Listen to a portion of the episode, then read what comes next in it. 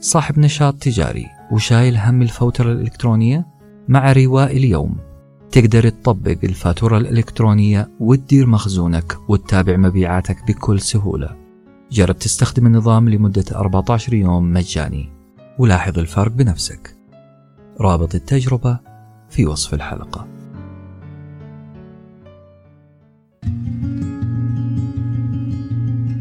سقطت على رأسها في صالة البولينج. فتحولت حياتها شكلا ومضمونا. بدأت بعدها رحلة استكشاف من هي وما أدوارها. جين سنسيرو مؤلفة الكتاب وقصة إعادة اكتشاف مسلمات. قد نحتاج أن نسمعها مرة واثنين وثلاثة. كتابها You Are a Badass. كتاب سهل ممتنع. خلكم معنا في هذا السرد الغير مألوف لكاتبة تكلمت بكل صراحة وشفافية Paper sandwich. Enjoy your meal. تقول جين كنت في قمة أيامي أيام تألقي جمالي ونجاحاتي لولا تلك الحادثة في صالة البولينج فقد حصل أنه في وسط ضحكاتنا واستمتاعنا باللعب وضعت قدمي اليمنى على المسار الناعم اللي تتدحرج فيه كرة البولينج هذا ال track من الخشب القاسي والذي لصلابته الشديدة لا يظهر عليه حتى خدش بسيط عند سقوط كرات البولينج الثقيلة عليه. لكن بمجرد ملامسة قدمي لهذا ال track وجدت قدماي تطيران في الهواء ويسقط رأسي بقوة على الأرض. أغمي علي واستيقظت في المستشفى. عندما فتحت عيناي كنت لا أرى بوضوح. فقط صورة باهتة تتضح شيئا فشيئا. عيناي تتجولان بكسل شديد ووعي بالكاد يسعفني تعرف على الأشياء. كل شيء كان مريح نوعا ما إلا ذلك الكائن البشع الجالس بجانبي على السرير. هنالك شيطان قبيح يجلس بجواري يبتسم لي بدون سبب واضح.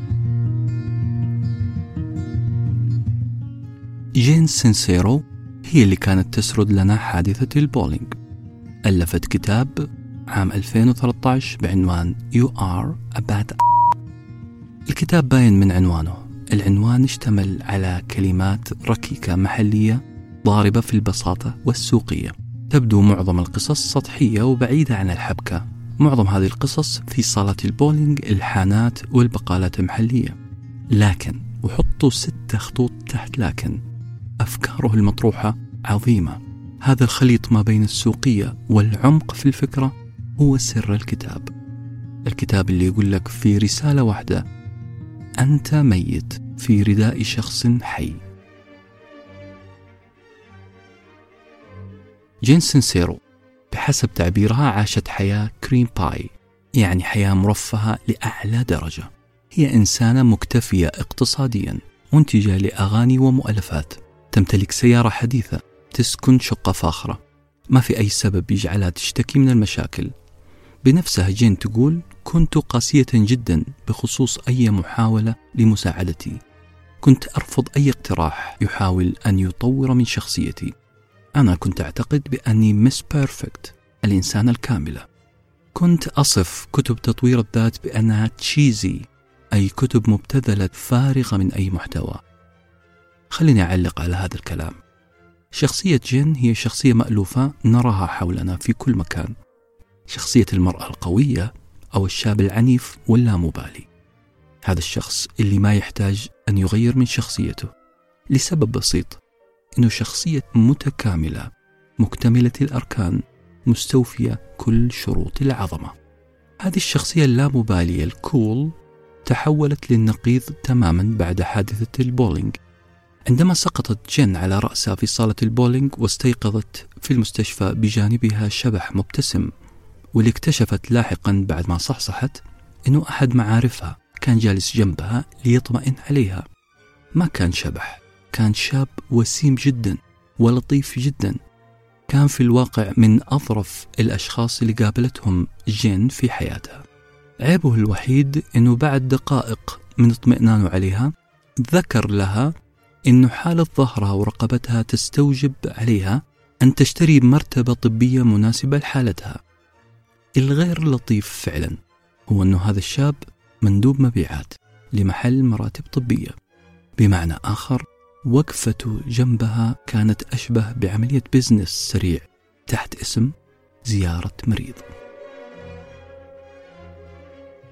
تستعيد جن ما كان يدور في عقلها أثناء تلك الحادثة قائلة أحسست بأني مجرد صفقة يحاول هذا الشخص أن يستغل حالتي الصحية ليكسب منها.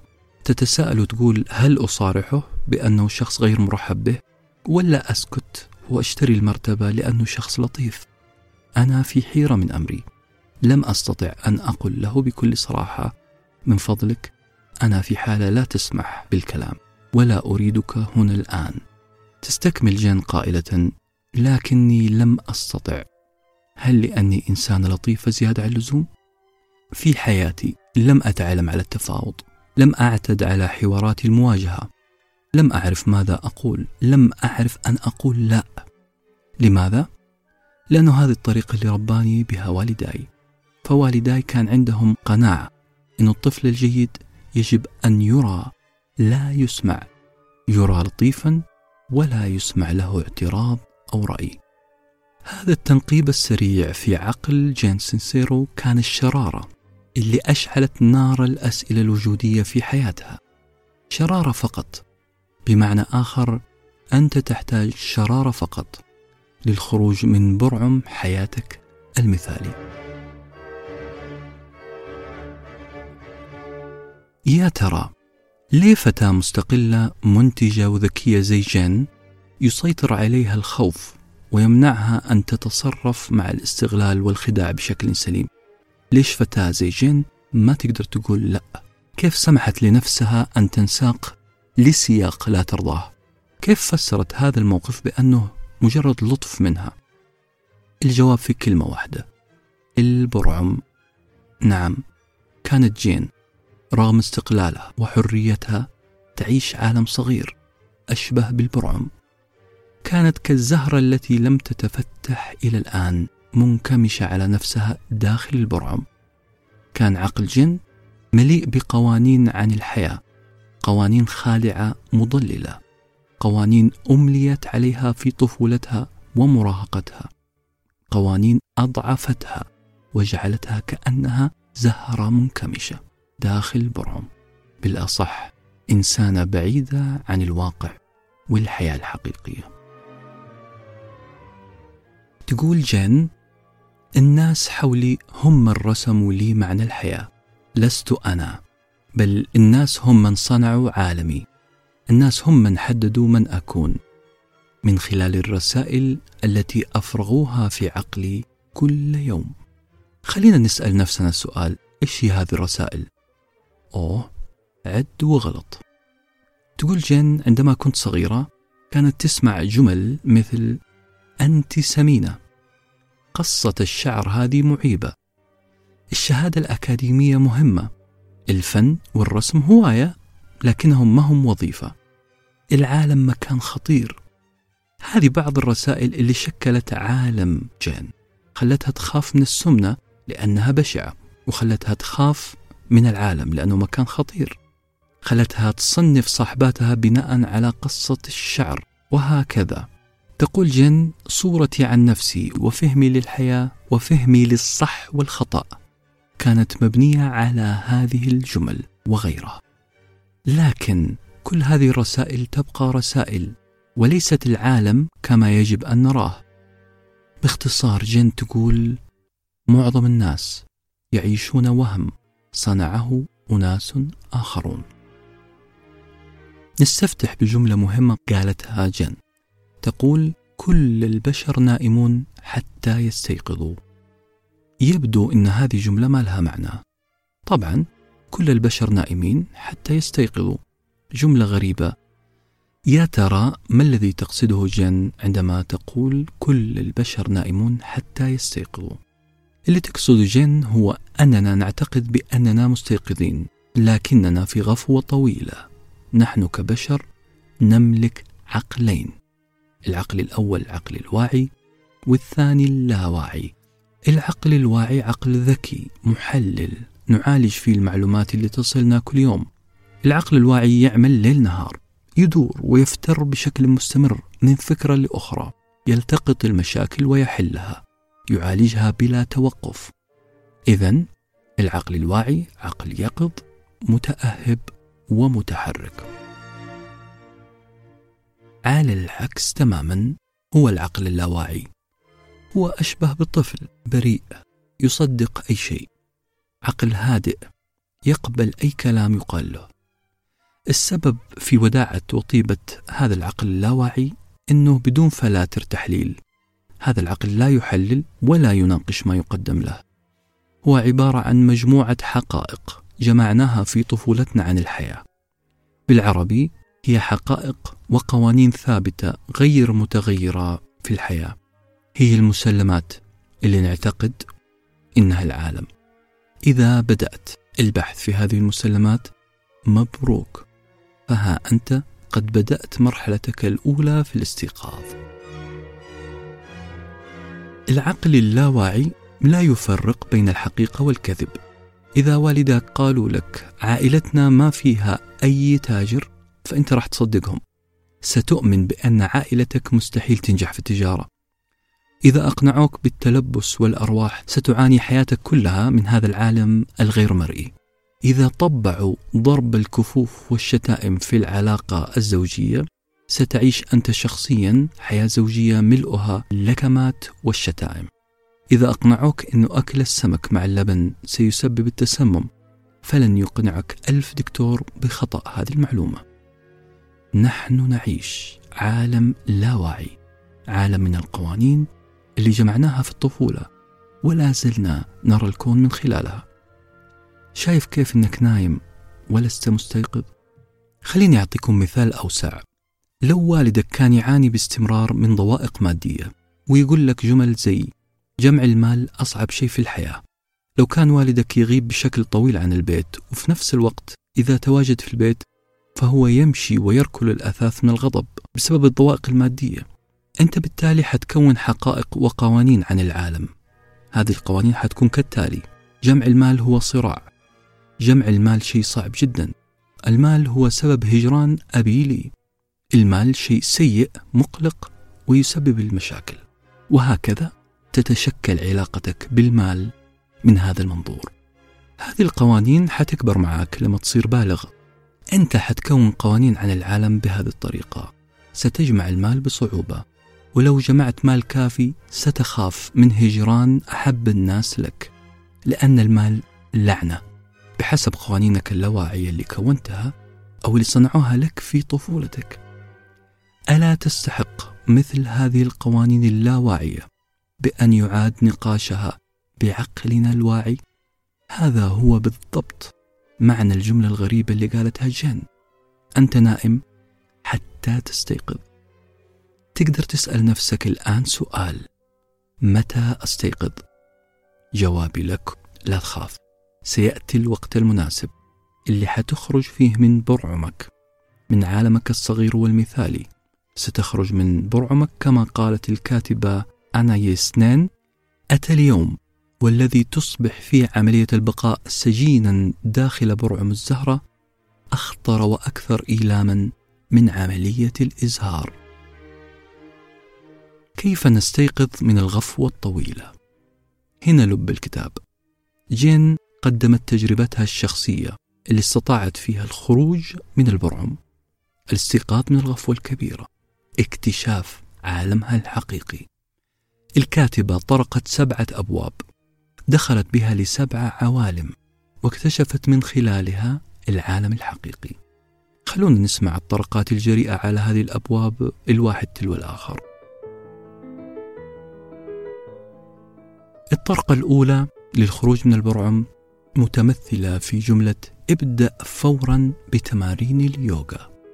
تقول جن أنت تحتاج يدا حانية تربت على كتفك وتأخذ بيدك للخروج من البرعم.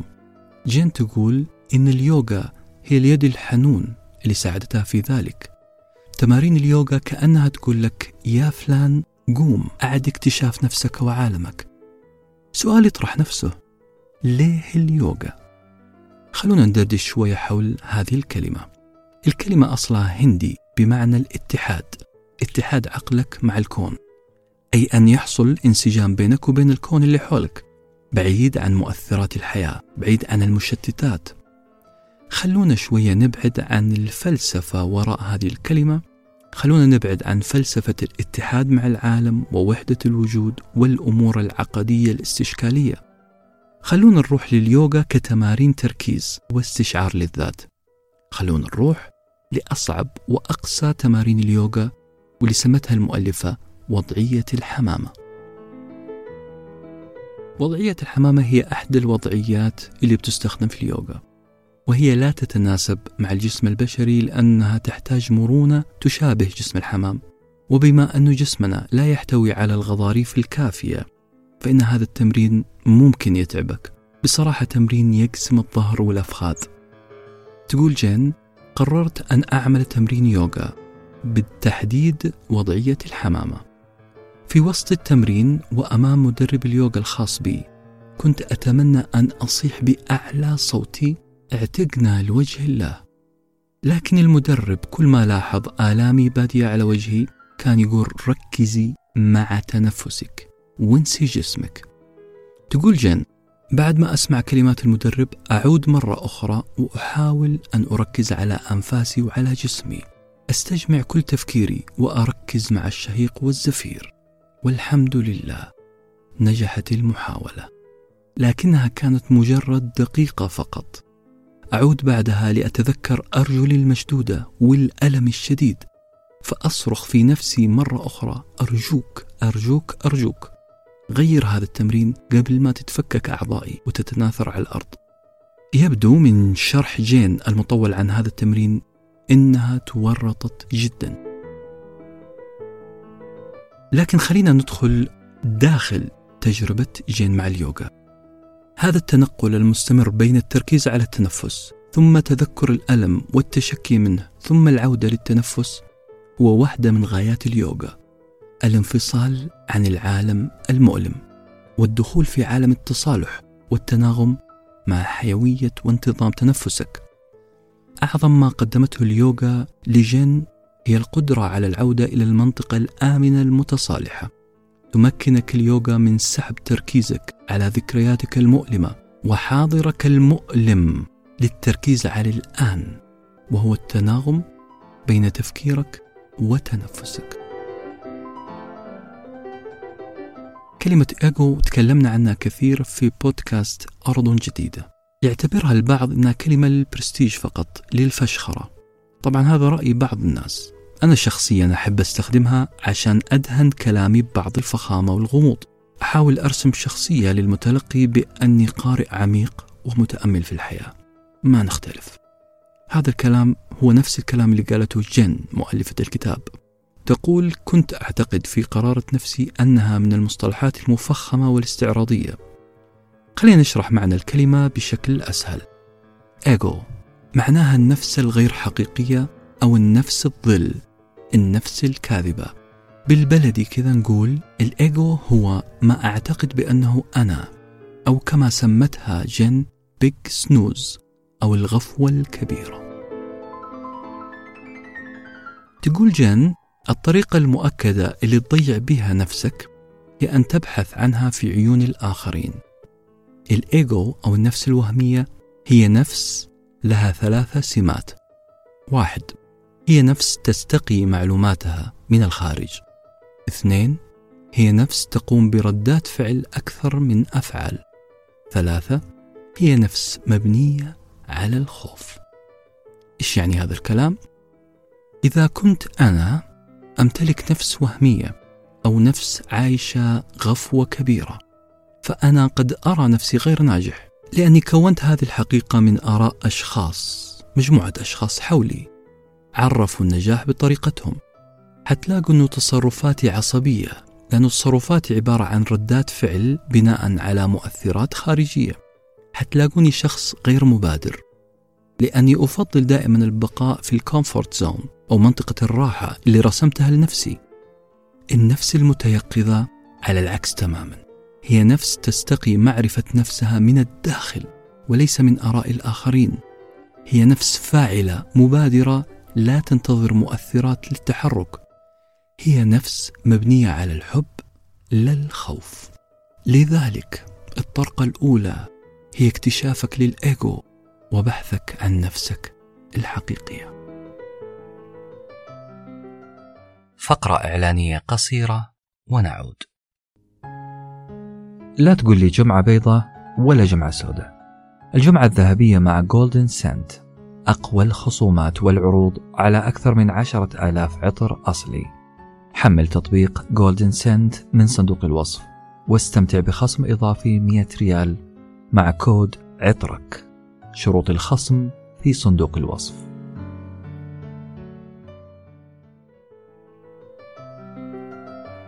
الطرقة الثانية للخروج من البرعم هي أن تفهم ذاتك بشكل صحيح أن تنظر لنفسك بإيجابية. تقول جان سينسيرو فهم الذات أشبه بحديقة الحيوان. عبارة غريبة جدا. قبل نشرح معنى هذه العبارة خلونا نسمع مقدمة جين عن هذا الموضوع.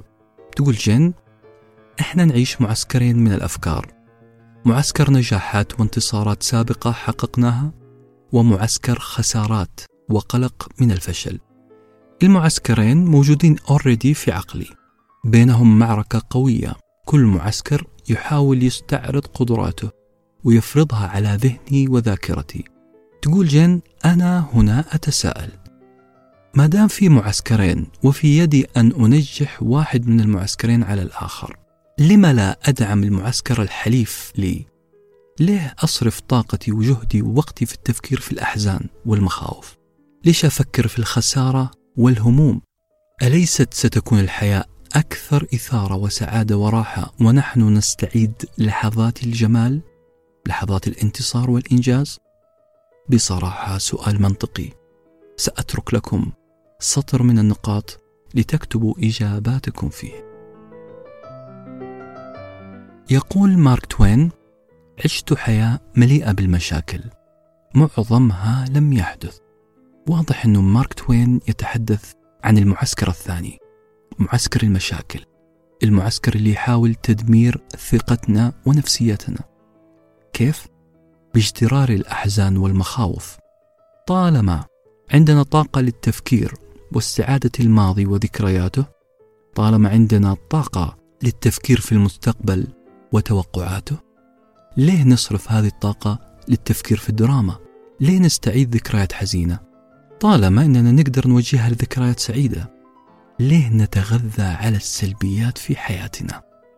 ما لاحظت لو أحد أصدقائك الجريئين عمل شيء غريب ومميز في حفل ما وقلت في نفسك طبيعي جدا إنه يعمل شيء مميز لأنه هو شخص مميز. عارف إيش معنى هذا الكلام؟ أنت غير واثق في نفسك. بالأصح أنت مستقل في نفسك وهذه كارثة. للأسف صعب تلاحظ كيف إنك أنت شخصيا إنسان مميز وكيف إنه تصرفاتك في المحافل مميزة. تقول جين لدي أصدقاء من أجمل وأكثر الناس وسامة لكن ثقتهم في نفسهم تحت الصفر لأنهم مركزين على ما ينقصهم على عيوبهم فقط على مخاوفهم وقلقهم. بينما لدي أصدقاء عاديين جدا لكن يشعون بالثقة ويؤمنون بأنهم هدية الله لهذه الأرض. هذه الثقة والنظرة للذات هي اللي تجعلك تعجب بهم وتنقاد إليهم. السر في هذه الظاهرة إنهم عرفوا نقاط قوتهم واستغلوها. ابحث عن ما يميزك. تلمس هذا الشيء من أولئك المعجبين بك. عيش سهرات متتاليات تسترجع فيها ميزاتك. أنت مسؤول عن اكتشاف ذاتك. لا تعتمد على الآخرين. ولا تبحث كما يقول لك مارك توين لا تبحث عن شخص يحل لك مشاكلك. ابحث عن الشخص اللي لن يسمح لك بأن تواجهها بمفردك. فهمك لذاتك يحدد هل أنت أسد واثق الخطوة أم مجرد أرنب خائف هارب طوال الوقت. وهذا هو ما قصدته جين سينسيرو بعبارتها فهم الذات أشبه بحديقة الحيوان. الطرقة الثالثة ابدأ في علاقة حب مع نفسك.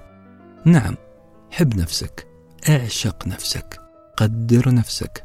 هذه الأوامر مهمة لكن هل في إنسان ما يحب نفسه؟ الجواب على هذا السؤال بنعم وألف نعم. أنت تعتقد أنك تحب نفسك بالشكل اللائق لكن الحقيقة لا. أنت قاعد تبهذل نفسك وبشكل يومي. جين تقول لابد أن تتأكد وتؤمن بأنك شخص متفرد مميز عن باقي خلق الله. لا يوجد أحد يشبهك. أنت بالتأكيد منحت ميزات لا توجد في أي أحد آخر في أي إنسان آخر. فيك ميزات لابد أن تشاركها مع الآخرين. أنت فعلا تحتاج أن تغرق نفسك بتأكيدات أنك مميز. تقول جين لا يكفي إيمانك بأنك مميز بل يجب أن تؤكد لنفسك لفظيا بأنك مميز. جين تستكمل قائلة لا يكفي أن تقفي أمام المرآة وتتغزلي في نفسك. هذا الكلام غير مجدي كثيرا. المهم أن تحفر هذا الكلام في عقلك أن تعيد برمجتك التي لوثتها عوامل خارجية حكمت عليك بالفشل عدم الثقة وعدم التميز. اعمل كما يقال تعويذات تردد فيها قائمة الأشياء الإيجابية فيك. بالعربي املأ عقلك بحوارات مدح متواصل. في البداية حيكون الأمر وكأنك تكذب على نفسك. لكن تقول جم أؤكد لكم أنك كلما شعرت بما تقول كلما كان أثره إيجابي وساحر على علاقتك بنفسك. أنت ما تكذب ولا تتجمل. أنت فقط ترجع نفسك للخط الصحيح. خط حبك لأهم إنسان في حياتك. الذي هو أنت. تقول جن إحنا مبدعين في حرمان نفسنا من الأشياء اللي نحبها. أنت وأنا وغيرنا حارمين نفسنا من الناس من الأكل من الشرب من الأماكن والتجارب اللي تجعلنا سعداء إحنا نعامل نفسنا بقسوة لأننا ما نحب نفسنا طيب السؤال كيف أعرف هل أنا من ضمن هذه الفئة المسكينة التي لا تحب نفسها؟ من علامات عدم حبك لذاتك هي اللغة اللي تتحدث بها مع نفسك. للأسف هي لغة ما نسمعها. إحنا ما نسمعها. للأسف أنك لا تدرك أنك قاعد تخاطب نفسك بلهجة قاسية وتجلد في نفسك ليل نهار. لاحظ ما تقوله لنفسك أول ما تبدأ تتأمل في المرآة. هل تقول واو ولا من النوع اللي تشفط خدودك وتقول نفسي يكون وجهي زي فلان وعلان هل تمدح نفسك أمام المرآة؟ ولا تبدأ تلاحظ كل شيء مو عاجبك في نفسك إيش اللي تقوله لنفسك لما تكتب تغريدة فيها خطأ إملائي؟ إيش الشيء اللي تقوله لنفسك بعد ما تتكلم في مجلس مليء بالناس؟ إيش تقول إذا أخلفت موعد أو خيبت ظن أحد أصدقائك؟ أراهنك إنك تجلد في ذاتك ليل نهار غير اللغة اللي تتكلم فيها مع نفسك غير اللغة اللي تقولها نفسك عند حدوث موقف سلبي بدلا من هذه اللغة القاسية حاول أول ما تطالع في المراية تقول لنفسك صباح الخير يا جميل نوع من الجنون؟ احتمال. لكن أؤكد لك للمرة الألف نتيجتها الإيجابية عليك عظيمة. لو خيبت أحد أصدقائك بدل ما تجلد ذاتك وتنعت نفسك بالنذالة اسأل نفسك إيش ممكن أتعلم من هذا الموقف؟ وكيف أقدر أصلح خطأي؟ حرر نفسك من الحوار الدرامي اللي داخل عقلك. راقب لغتك لنفسك. بدل هذه اللغة من أقصى اليسار لأقصى اليمين. الطرقة الرابعة عانق العطاء. عندي سؤال. ما هو شعورك وأنت شايل هدية مغلفة بالسلوفان وتسلمها لشخص في مناسبة غالية عليه؟ شعور عظيم. أنت تنتظر بلهفة تشوف ردة فعله. ابتسامة فرح على محياه. كلمات شكر تغذي شعورك بذاتك. أنت عادة تنتظر تشوف ملامح الامتنان على وجهه ونظراته. للعطاء أثر لا تتخيله على نفسيتك. العطاء يخدم المعطي أكثر مما يخدم المعطى لدرجة دفعت بعض الفلاسفة أن يقولوا أن العطاء قمة النرجسية والأنانية. أنت تعطي لتشعر بأنك شخص عظيم لتلبي احتياجاتك أنت. بدون الدخول في دهاليز الفلسفة المظلمة نجزم لك بأنك أنت المنتفع الأول من العطاء. إذا بدأت تشعر بأنك خلقت لتعطي شيء معين في هذه الحياة. إذا اكتشفت أنه لك دور في هذه الحياة. أكيد حياتك حتختلف شكل وطعم ولون. حتعيش ليل نهار وكأنك نجم سوبر ستار الكل ينظر له بشغف. لو وجدت هذا الشيء اللي تقدر تقدمه للناس والحياة فأنت بالفعل نجم السينما الأول. وحتعيش بهذا الشعور باقي حياتك. لذلك تقول جين سينسيرو ابحث عن دورك في الحياة وعانق العطاء. الطرقة الخامسة اعرف نفسك.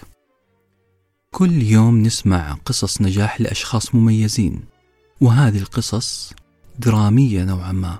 أقدر أقول معظم قصص النجاح اللي نشوفها قدامنا هي صناعة فيها حرفية عالية. الأهم أنه معظم هذه القصص تظهر الشخص الناجح على أنه استثنائي على أنه شخص موهوب بالفطرة. مؤلفة الكتاب تعترض هنا وتقول لا تغرك هذه القصص. لا يوجد إنسان يولد وهو يعلم بالضبط مجاله وهدفه في الحياة. إحنا ولدنا لنبحث عن ما ميزنا الله به عن باقي البشر. وعشان نطور هذه الميزة ونديرها بالشكل الأمثل عشان نحقق ما خلقنا لأجله. يجب أن نبحث عن ما نستطيع أن نعطيه للعالم ولا يستطيع أي شخص آخر أن يفعله. طيب السؤال هنا كيف أعرف ما هو هدفي في الحياة؟ هذا السؤال معقد وإجابته قد تتعدى الألف مجلد. ما في طريقة محددة لمعرفة هذا الشيء إلا أنه جين قدمت لنا توليفة بسيطة لاكتشاف هدفنا في الحياة. هذه التوليفة سمتها بإجعل من نفسك مريخيا. أنت تتخيل نفسك ككائن مريخي. تجوب المجرات وفجأة قررت أن تنزل على الأرض وسكنت جسدك الحالي. لأنك مريخي كل شيء تقابله في الأرض هو شيء جديد. يا ترى إيش حتشوف؟ ما رأيك في هذا الشخص اللي سكنت جسده؟ ما رأيك في نفسك؟ إيش الميزة اللي فيك؟ ما هي الفرص المتاحة أمامك وما هي إمكانياتك؟ لبسك لرداء المريخي حيساعدك أن تتخلص من الضغوط اللي تجعلك تحكم على نفسك بأحكام مسبقة تعتمد على الماضي أو خوف من أي مخاطرة في المستقبل. أنت fresh green بلا تجارب أرضية. ستنظر لنفسك بكل موضوعية. في النهاية جين سينسيرو تقول لك خليك مريخي. بين كل فترة وفترة.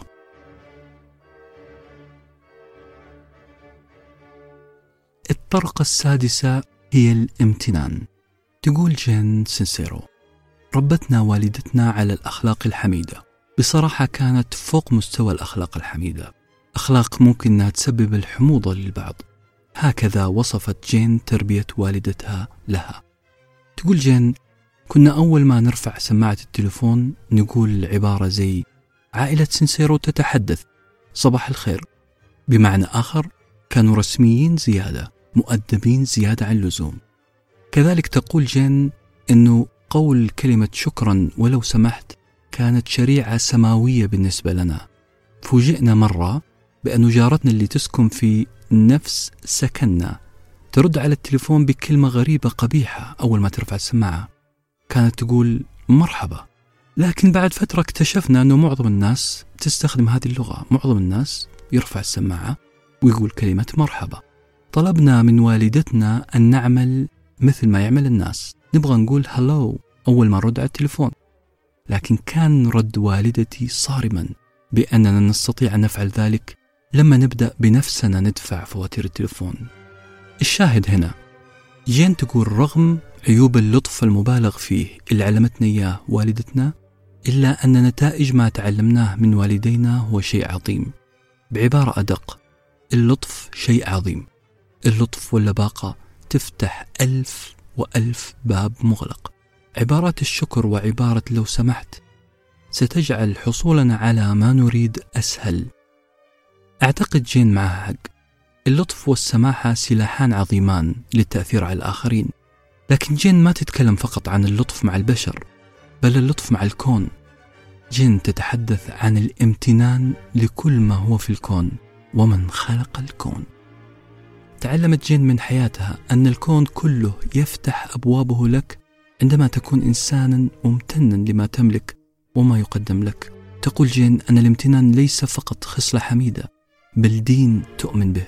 هو قانون حياة اقتنعت تماما بتأثيره عليها وعلى الناس وعلى الكون كله.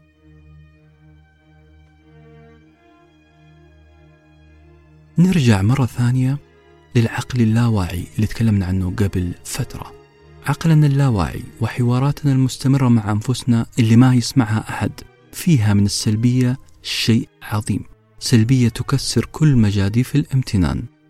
عشان تبسط علينا جينا الأمور قالت عندما يحدث لك أي موقف سواء موقف رائع عادي سيء مزعج للغاية تستطيع أن تستخدم تكنيك بسيط. ابدأ جملتك بهذه العبارة. يبدو أن الأمر جيد بسبب وبعد كذا أكمل عبارتك. دائما انظر لأي حدث في حياتك بأنه في شيء جيد وهذا الشيء الجيد بسبب كذا كذا كذا. مهما ساءت حولك الظروف تقول جن لما تصبح هذه عادتك لما تبدأ تحاور عقلك بهذه الطريقة وتبحث عن الشيء الجيد في كل حدث يحدث لك ستتفاجأ بأنك شخص ممتن مهما ساءت حولك الظروف. تقول جن انفجر إطار السيارة بينما أنا وأبنائي في الطريق للبيت. نظرت لهذا الحدث كشيء جيد فقد واتتني فرصة ذهبية بأن أري أبنائي عمليا خطوات تغيير الإطار. بالامتنان أنت حتحاصر غضبك في زاوية وتجعل هذا الغضب لا يشكل واحد في المية من حياتك.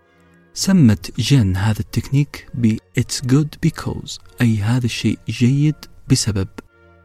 هذا التكنيك بحسب تعبير المؤلفة حيشقلب حياتك إذا ما اقتنعت بأهمية الامتنان وأهمية تكنيك It's good because تواجهك جن بطريقة جديدة وتقول لك متى آخر مرة جرحت إصبعك؟ وماذا فعلت عشان توقف النزيف أو تطهر وتعالج هذا الجرح؟ مو كان همك الأول وقتها إنه الألم يتوقف؟ مو كان هذا الشيء هو أول أولوياتك؟ طبيعي إذا جرحت إصبعك أول شيء تبغى الألم يتوقف ثم تريد أن توقف النزيف أنت لا تريد لهذا الألم أن يستمر لا تريد الإحساس بالألم المشكلة فين؟ المشكلة أننا سريعين جدا في التعامل مع الجراحة الجسدية وأكسل الكسالى في التعامل مع الجراحة النفسية والعاطفية. نحن نعشق أن نعيش السيناريوهات المؤلمة واللحظات الحزينة اللي مرت علينا. وكأننا نذر الملح على الجرح أكثر وأكثر. نكد على نفسنا وعلى اللي حوالينا. ما حنرتاح إلى أن نفرغ طاقة الحزن على شكل انتقام. لذلك الحل سهل جدا. كلمة واحدة.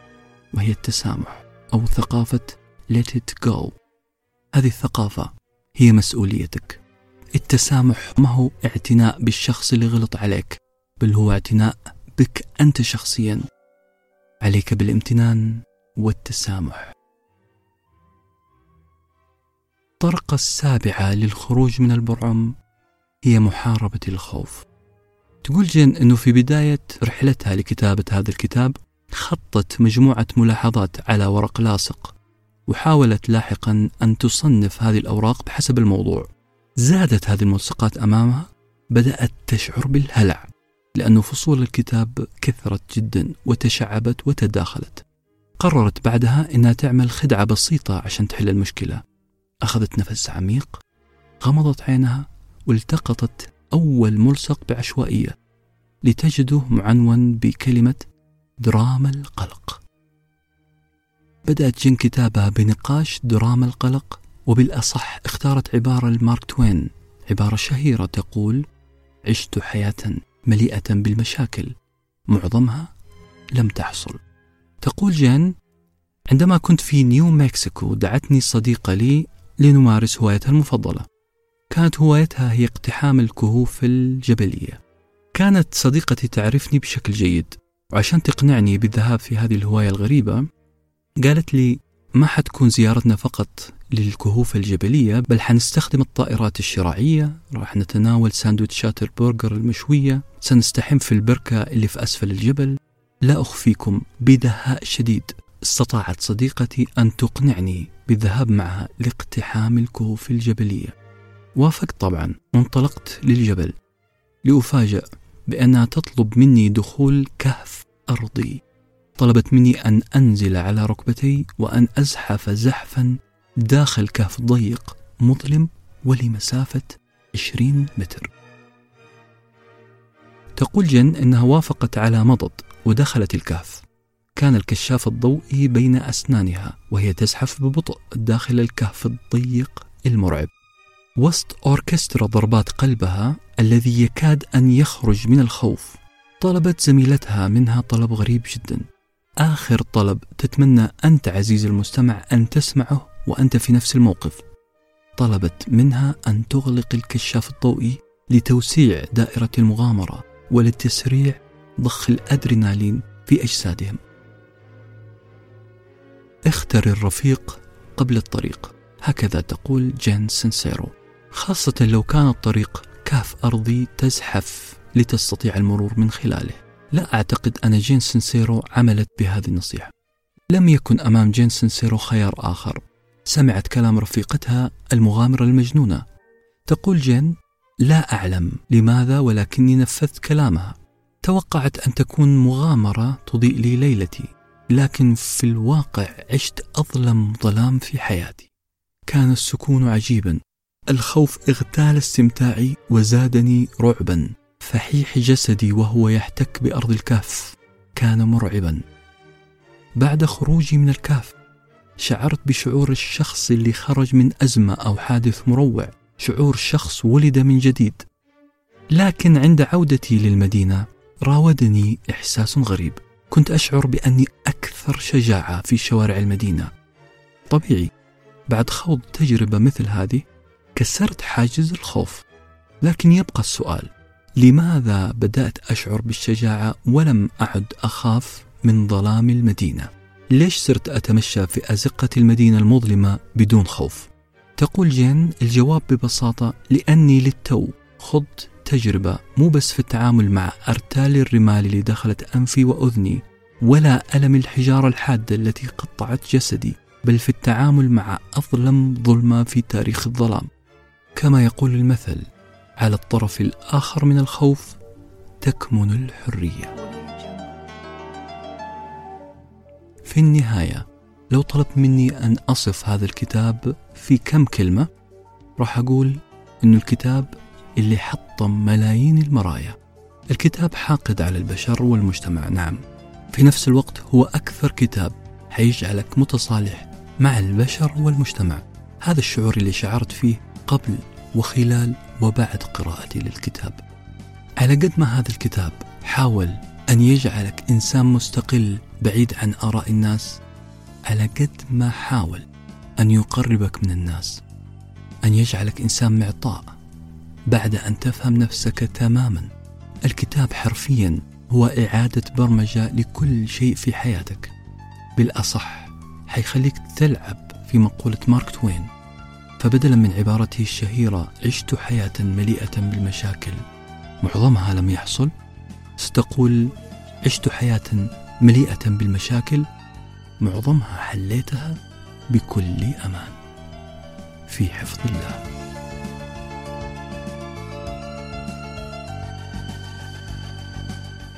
Paper sandwich. Enjoy your meal.